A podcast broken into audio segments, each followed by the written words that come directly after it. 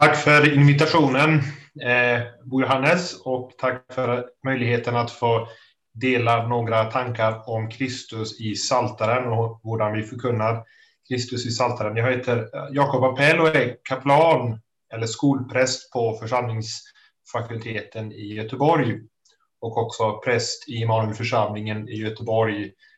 Och eh, vi, vi eh, gläds över fällskapet med er och också att få, få stå i, i samma bekännelse och uppgift att predika. Eh, inspirerande att följa era seminarier här och också själv få, få bidra.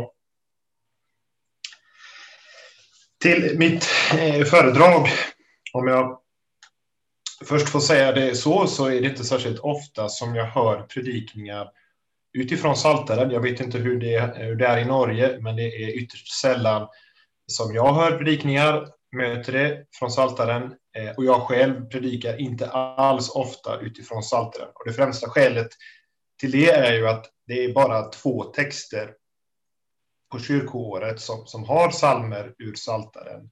Eh, det är eh, psalm 23 på hedersöndagen och det är Saltaren 110 på Kristi himmelfärdsdag.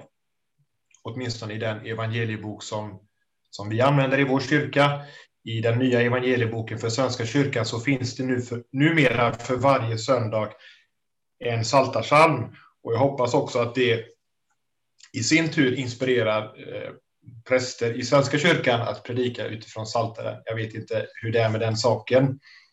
Eh, det är nog så här att många eh, använder Saltaren i första hand för enskilt bruk, för enskild bön och gemensam bön. Inte minst där man använder tidgärden som, som vana. Eh, så det är nog egentligen detta jag skulle vilja ta som en utgångspunkt för det här föredraget, att predika så att saltaren blir använd för enskilt bruk, alltså predika till bruk av saltaren. Eh, för vi ska komma ihåg att det är att predika Kristus i psalmernas bok. För det här var hans bönbok, det här var hans psalmbok, det här var vad han brukade. Eh, och när vi tänker på det så, så får vi också komma ihåg att bokstavligt talat så tar vi hans ord på våra läppar när vi ber till Gud med psalmernas ord. Eh, och vi ber till hans Gud med ord från hans Gud till hans Gud. Eh, och att på detta sätt be med Kristus, med Jesus. Jag vill stryka under detta, att vi gör det med honom. Det blir för det första en hjälp för oss att, eh, att, att bedja saltarsalmer som är först lite svåra att bedja. Vi kan tänka på hämndsalmerna exempelvis. Och att då komma ihåg att detta ber vi med honom hjälper oss också att ställa frågan till honom, Jesus, vad ber du när du ber den här salmen? Vad ligger på ditt hjärta när du ber denna hämndsalm eller, eller liknande?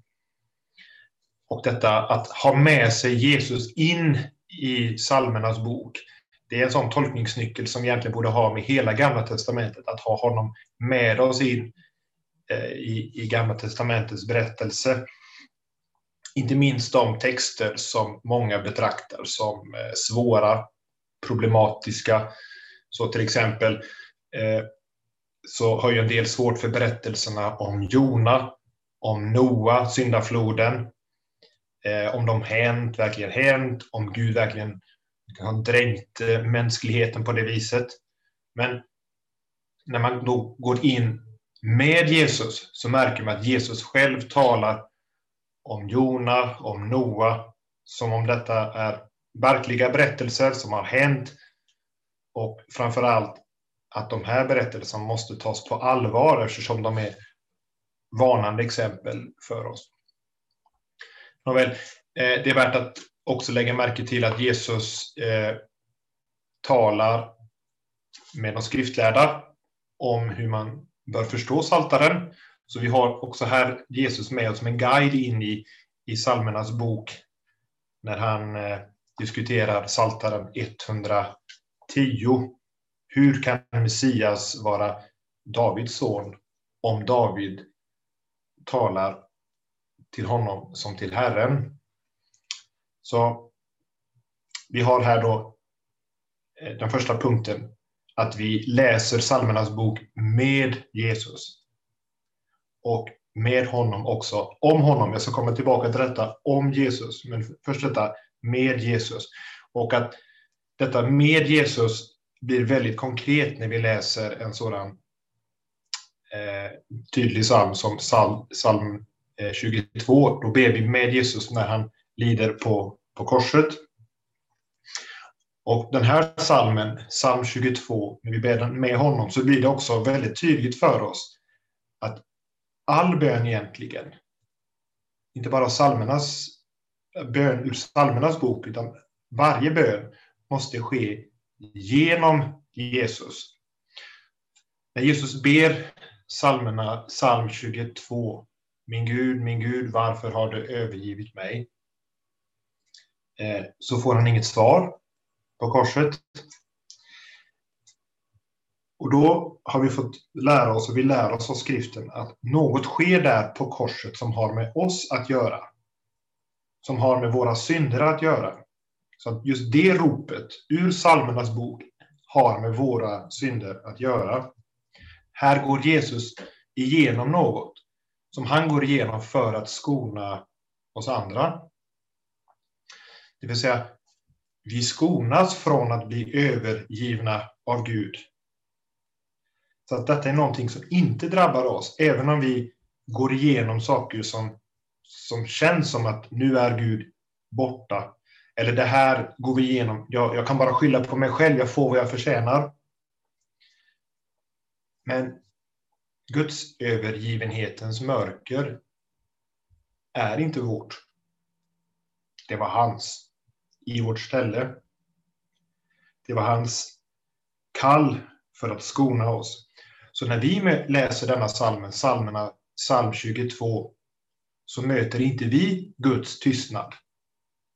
Utan vi, bokstavligt talat, så möter vi Kristus på korset. Och när vi läser i ljuset av att han har bett detta och lidit detta, så förstår vi att det här är ju Guds egen inbjudan och Guds eget ljus in i det mörker som vi kanske går igenom. Han var övergiven. Jag är det inte. Och så läser jag den salmen med honom och genom honom. Och detta, att han lider detta i vårt ställe och för vår skull hjälper oss också att förstå betydelsen av att be genom Jesus Kristus. I hans namn, i, för hans blods skull. Vi har ingen egen värdighet, vi har ingen rätt att komma till Gud. Eh, Gud borde vara tyst, så att säga. Det borde, det borde vara vi som möter Guds tystnad.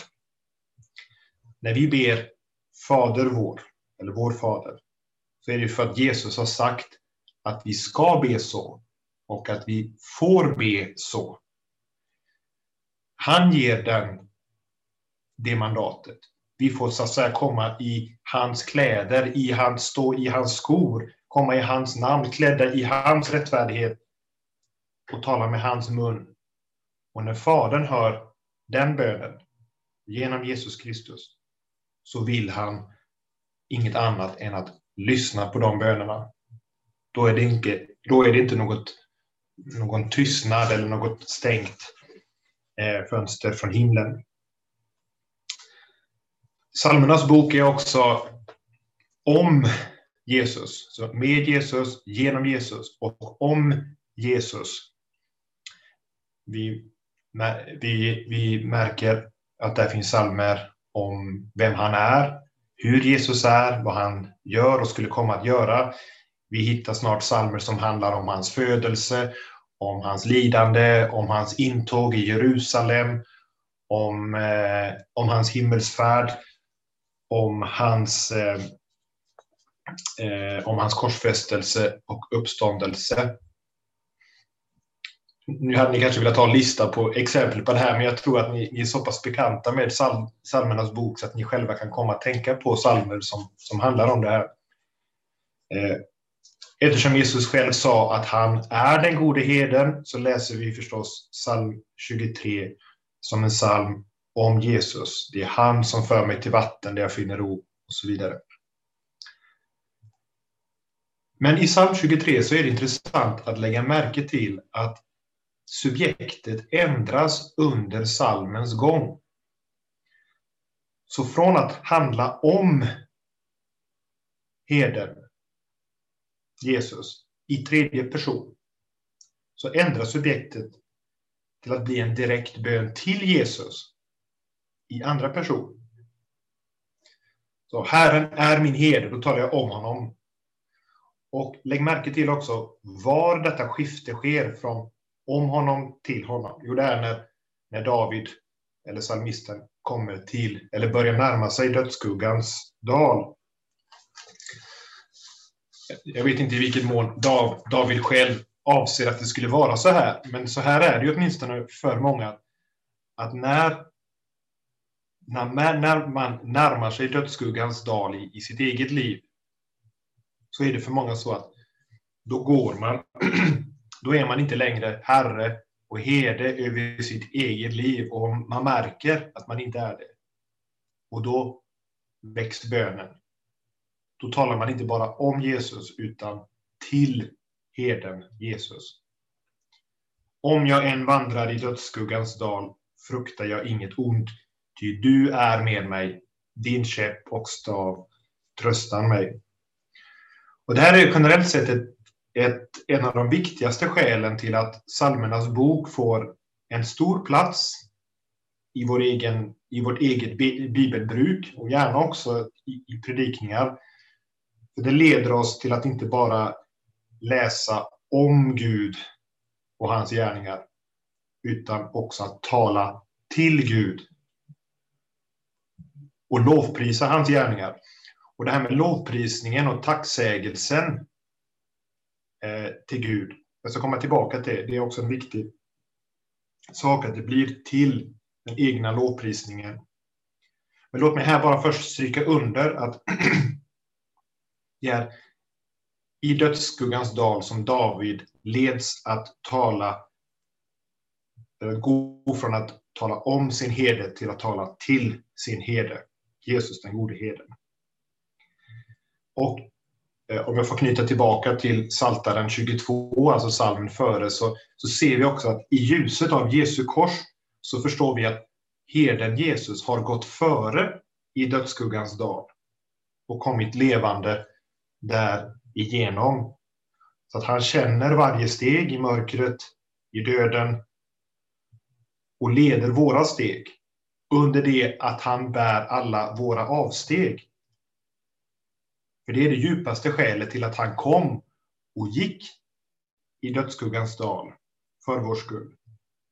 Och så kan vi för vår inre blick, apropå detta vi talar om allegori här, här kan man väl ta det som en, en homiletisk hjälp att att för vår inre blick tänka att käppen och staven, jag vet inte vad det blir på norska, men käppen och staven, det är som två eh, tvärbjälkar som, som ger bilden av, av, av hans kors, herdens kors. De tröstar mig, eller det tröstar mig. Eh, så, går David då, så har David gått ifrån att tala om herden till herden och erfar och, och får denna förnimmelse av att herden är med. Ty du är med mig här och nu. Och det är också en viktig aspekt av, av bruket av salteren att erfara att han är med. Jag talar inte bara om att han kan vara det, utan jag erfar också att han är med. Och många gånger så är det i, i dödsskuggans dal som vi kommer till en sån punkt att han, att han är med. Och denna erfarenheten gör nu också till att David inte, så att säga, går tillbaka till att tala om heden i tredje person, utan han fortsätter att tala till honom återstoden av salmen. Och nu talar han om allt, om allt som, som hela livet kan ha med sig. Så att det första som kommer, som tycks komma, komma fram Eh, är detta. Du dukar för mitt bord i mina ovänners åsyn. Det kan ju först kännas lite underligt att, att be det här direkt när jag kommit igenom dödsskuggans dal. Alltså felplacerat på något sätt. Men när man läser Davids alla psalmer, och man la dem, tog reda på vilka psalmer som David har skrivit och la dem bredvid varandra och läste dem tillsammans, så märker man att ovänner, fiender, falska människor, allt det här, det kommer i nästan varenda psalm. Det här är vad hans hjärta är, är fyllt av och kanske att hans, hans liv, eh, var, att han var ansatt av just många människor, och ovänner och fiender. Det här var något som han återkommande behövde att utgjuta inför sin Gud. Eh, och eh, när, när David har fått den här erfarenheten av att, att heden är med honom så inbjuder det också honom till att tala med honom om allt. Och människor kan vara det som är ett av våra djupaste böneämnen som, som ligger tungt på, på våra hjärtan. Och så var det för David och så kan det få vara för Guds barn. Och då lägger också salmernas bok orden på våra läppar när vi brukar psalmernas bok. Så att alla dessa psalmer som lägger fiender, ovänner, svåra människor på våra läppar för att sedan bära dem till Gud, till, till Davids Gud, för att också få hjälp ifrån Davids Gud och få tröst och vägledning. Vad gör jag med allt, allt detta? Det här kan vara väldigt konkret. Som för Sackeus i Jeriko. Eh, ni vet, han var en, eh, en tull, tullare, eh, en landsförrädare, en tjuv och föraktad, för att inte säga hatad, av, eh, av de andra i, i, i Jeriko. Och han hade förstås sin skuld i det här. Han kan inte skylla på någon. Han, han visste att, eh, att han fick detta. Men så berättas det då om hur Jesus bjöd hem sig själv till honom och dukade sitt bord hemma hos honom. För Sackeus i hans ovänners åsyn. Det står där i, i Lukas kapitel 19, vers 7 att alla, alltså i Jeriko, som såg det här på svenska, de mumlade så här förargat. Han har tagit in hos en syndare. Och här ser vi en, en bokstavlig uppfyllelse av, av Saltaren, psalm 23. Här har Sackeus fått sin gode herde det fattas inget, inget av nåd, inget av förlåtelse, inget av glädje. Och denne herde, han dukar sitt bord för honom i hans ovänners åsyn. Bägaren flödar över, eh, bokstavligt talat, så att det Jesus blir för honom där fyller hans bägare Eh, så att det flödar över. Han har fått och funnit det som är mer värt än de värdefulla pengarna som varit det viktigaste för honom. Och då är det som att mamman också släpper sitt grepp. Och han blir frikostig, generös och, och villig att, att ge, ge tillbaka det han stulit. Och han kunde veta att inget av nåd eller godhet skulle fattas för honom för resten av hans livsdagar, som salmen slutar. Och då får man ju tänka så här att de där grannarna i Jeriko, de fanns kvar där resten av hans liv. Och de gav ingen nåd. Men med den här plågan som andra människor kan vara, så var han inte utan sin herde och inte utan hans nåd. Och så blir denna herde och hedersalmen, så att säga sötman, det söta in i livet som kan vara rätt så bittert. Men så lär oss Jesus också en sak till om fienderna. Eh, Jesus gjorde själv som David gjorde i psalmernas bok. Han talade till Gud om de som korsfäste honom, hans fiender, hans bödlar. Men inte bara om dem, utan också för dem. Fader, förlåt dem, för de vet inte vad de gör. Eh, känner vi igen. Och då förstår vi också det här att vi är alla Guds fiender. Guds fiender. Det är våra synder som driver Jesus till korset. Och här är ingen utan skuld. Och så kan det också vara så, och så kan vi också se detta att i Davids salmer så är den ena versen en bön till Gud att förlåta honom hans stora synder. Eh, blodröda synder, hans egen skuld. Och i andra versen så vädjar han till Gud om att löna fienderna efter deras onda gärningar. Och då finns denna dubbelhet som vi också möter i Saltaren och som också då blir till våra egna böner. Att kunna se och medge både sina egna synder och andra synder och lyfta upp båda, bådas till Herre. Och i ljuset av Jesu kors, som jag varit inne på, så kan jag se att Gud har lönat mina fiender. Sina fiender. Han har lönat sina fiender som är både jag själv och de andra. Och så leds jag också till att be med Jesus. Fader, förlåt dem, för de vet inte vad de gör. Och, och därför så, så, så har vi då nu Jesus med oss in i dessa psalmerna. Så det, det, jag kan å ena sidan säga med David, här är ovännerna. De, de talar falskhet, de förföljer mig, de, de är inställsamma, de, de gör det här och det här. Men det är inte det enda som jag säger, utan jag ber med Jesus också. Fader förlåt dem, för de vet inte vad de gör. Så jag lämnar synden hos honom. Med Jesus. Samtidigt som jag vet att den bönen som Jesus bad var också för mig själv. Eh, men detta då att eh, be med David, med Jesus, Davids salmer om fienderna och ovännerna. Det är också en viktig sak. Eh, eh ett av de viktigaste skälen till att be för sina fiender, eh, det är för att inte fienderna ska få, få, få, få behålla sitt grepp om min själ som annars så lätt fastnar i, i bitterhet och i hämndlystnad.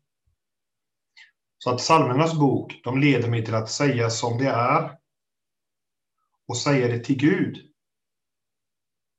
Och som smärtan som kommer av dessa mellanmänskliga relationer. Och Kristus leder mig till att lämna både deras synder och mina egna synder där hos honom. Eh, Eh, några ord också om att psalmernas bok är ord av Kristus. I Romarbrevet kapitel 15, vers 4 så står det Allt som tidigare har skrivits är skrivit, skrivet till vår undervisning för att vi genom den uthållighet och tröst som skrifterna ger ska bevara vårt hopp och må uthållighetens och tröstens Gud hjälpa er. Här eh, står det faktiskt att Gud är uthållighetens och tröstens Gud. Och så samtidigt, det är skrifterna som ger uthållighet och tröst. Och då bekänner vi att skriften är Guds ord. Men också att skriften är levande och verksam, så att Gud är i de orden som är levande och verksamma till uthållighet och till tröst. Och Psalmernas bok kallas ju ofta för trösteboken. Så här har, har vi också fått skriften till tröst och uthållighet. Och det här är en bok att läsa, bedja, umgås med som om jag umgicks med en annan människa. Och det är ju människor som vi umgås med här. Riktiga människor som har gått igenom det mesta som man kan gå igenom i livet. Här möter vi Guds barn och Guds folk i ångest, i tvivel, i vrede, vanmakt, oro och så mycket annat. Här kan jag se mig själv i dem. Jag kan känna igen min egen situation i dem.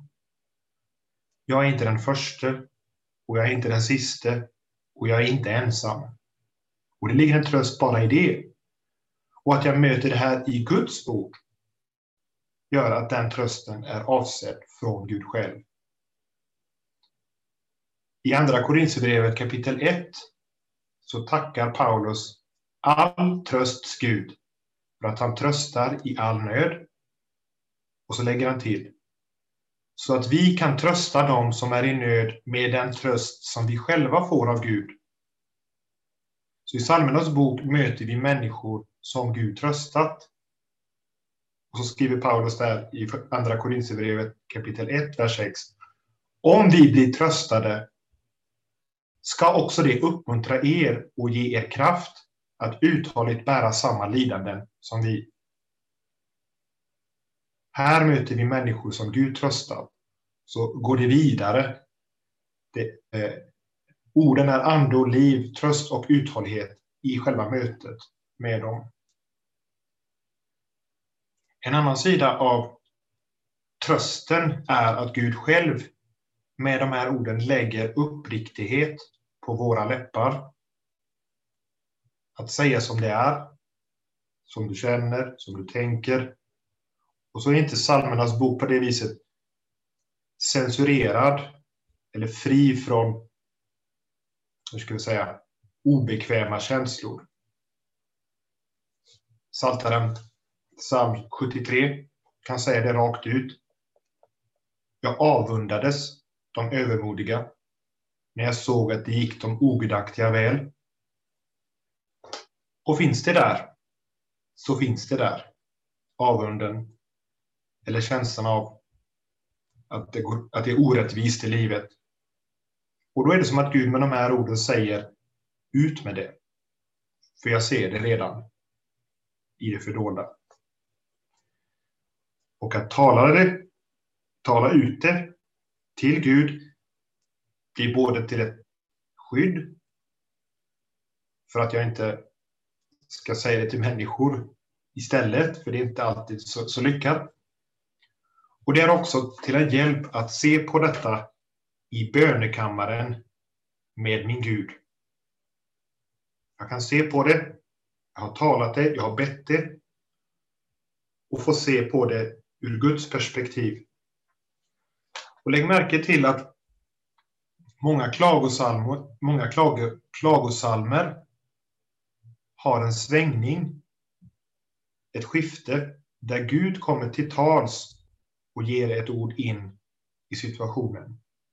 Så att i psalm 73, som har börjat med denna klagan, jag avundas dem för att det går bra för dem men inte för mig, så, så slutar det inte där, utan det slutar med att psalmisten, står det, gick in i Guds helgedom och insåg hur det gick dem till slut.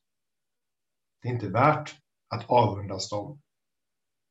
Och så slutar det här samtalet med Gud, som börjar så pinsamt, med några av de vackraste bekännelserna om Gud som finns i hela psalmernas bok. Och jag tänker jag ska läsa dem från psalm 73, vers 21.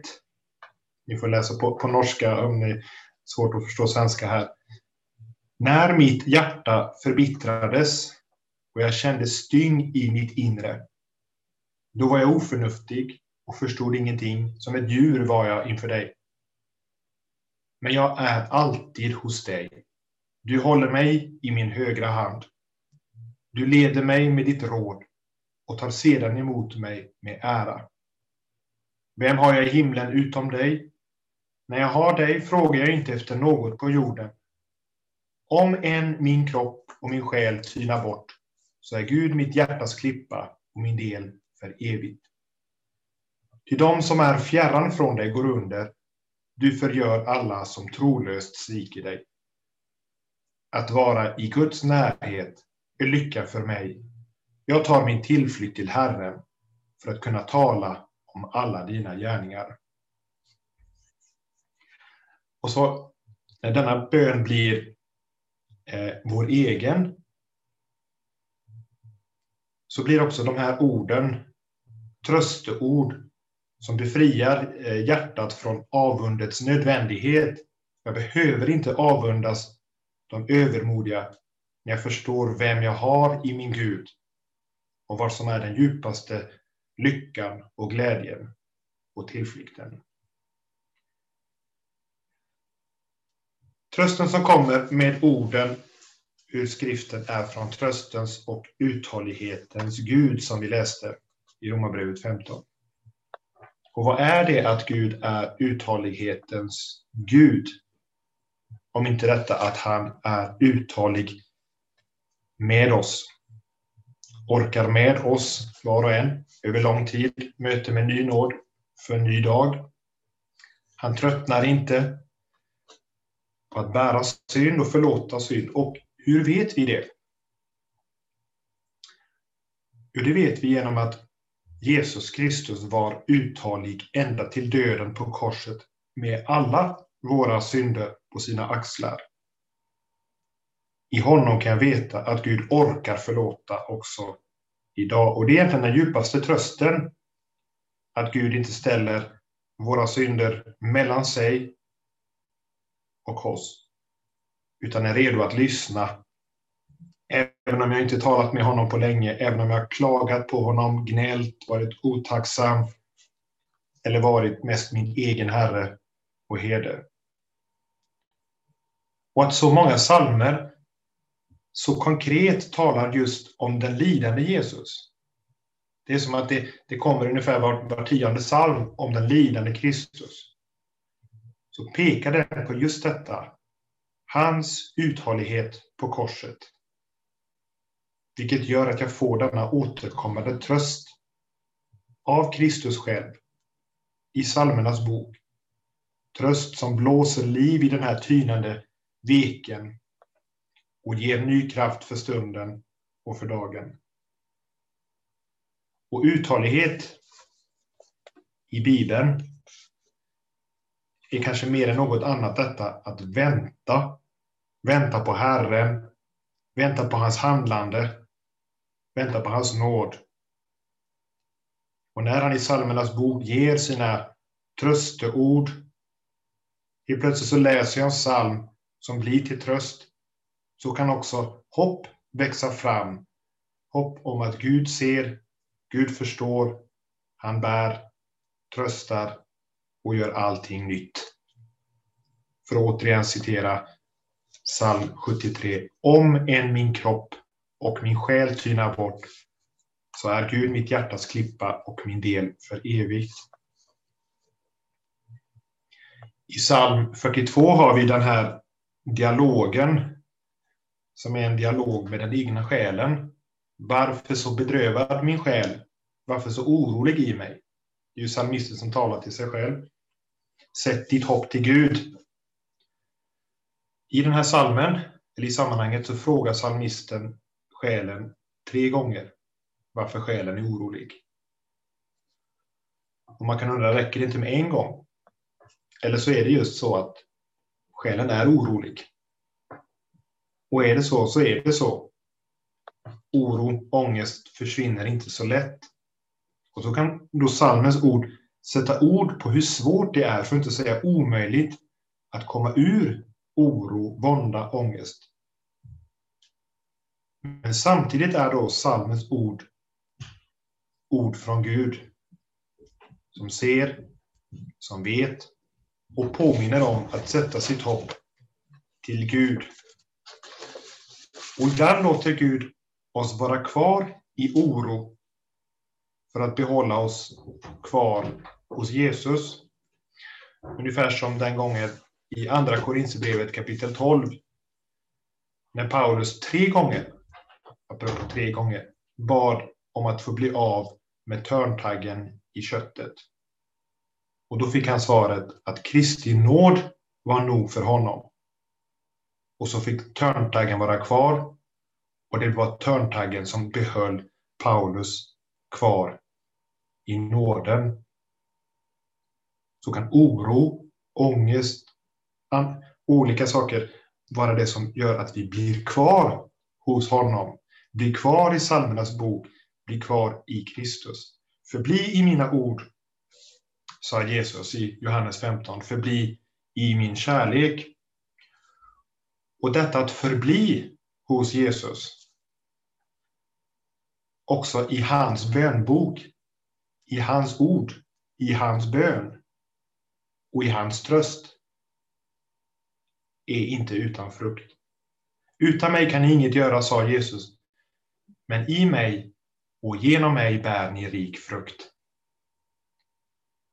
Och en av frukterna är att bli stärkt i den tron och i den övertygelsen att det är som Paulus skriver i Andra Korintierbrevet kapitel 2, vers 4 och 8.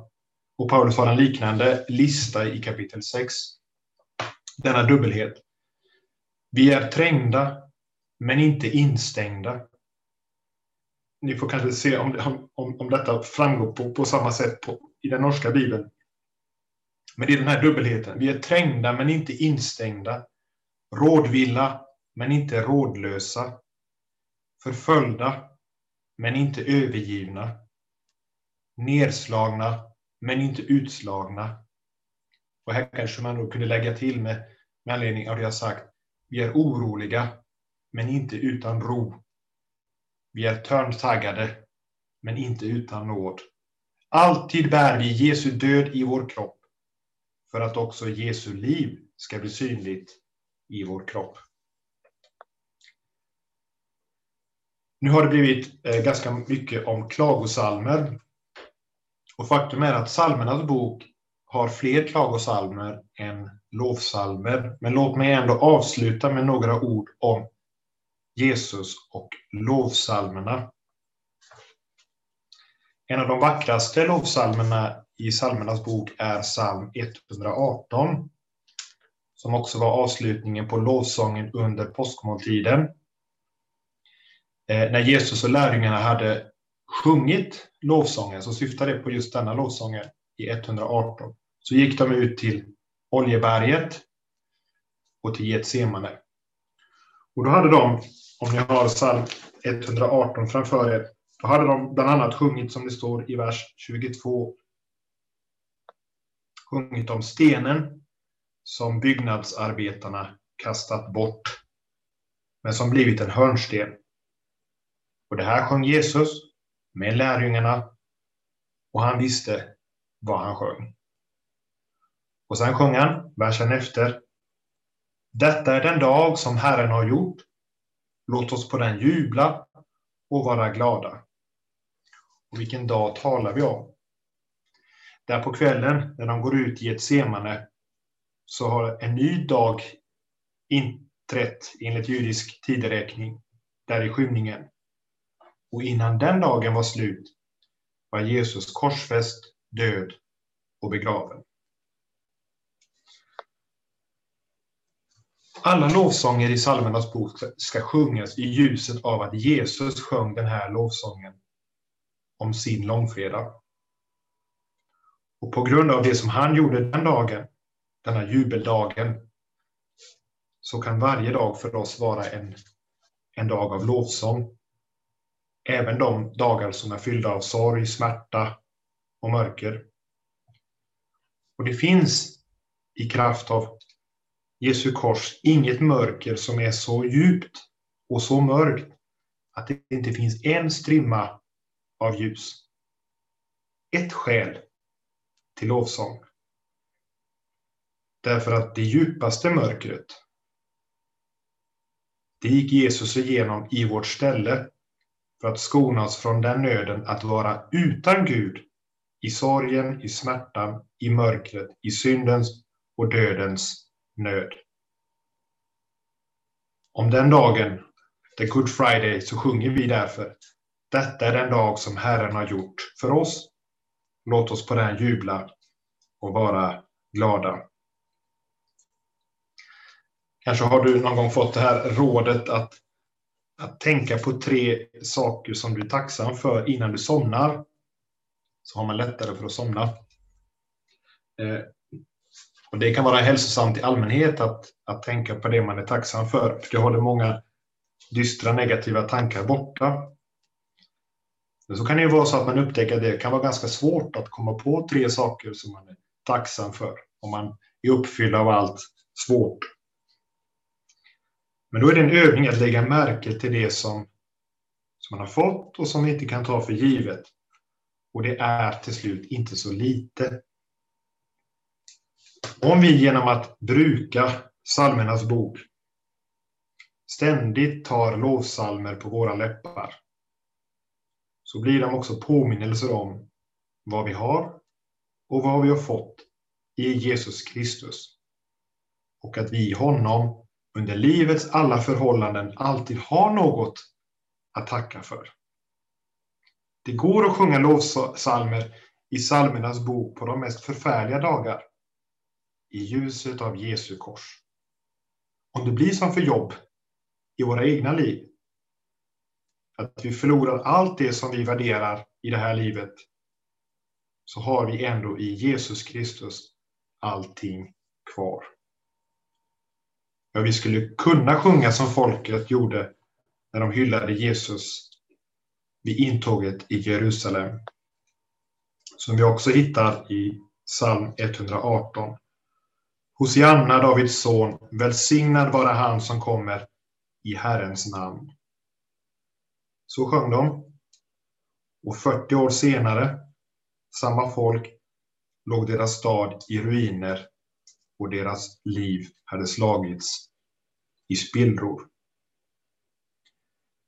Men lovsalmen i sin helhet tar inte, gör att inte hoppet tas ifrån oss. Vers 18.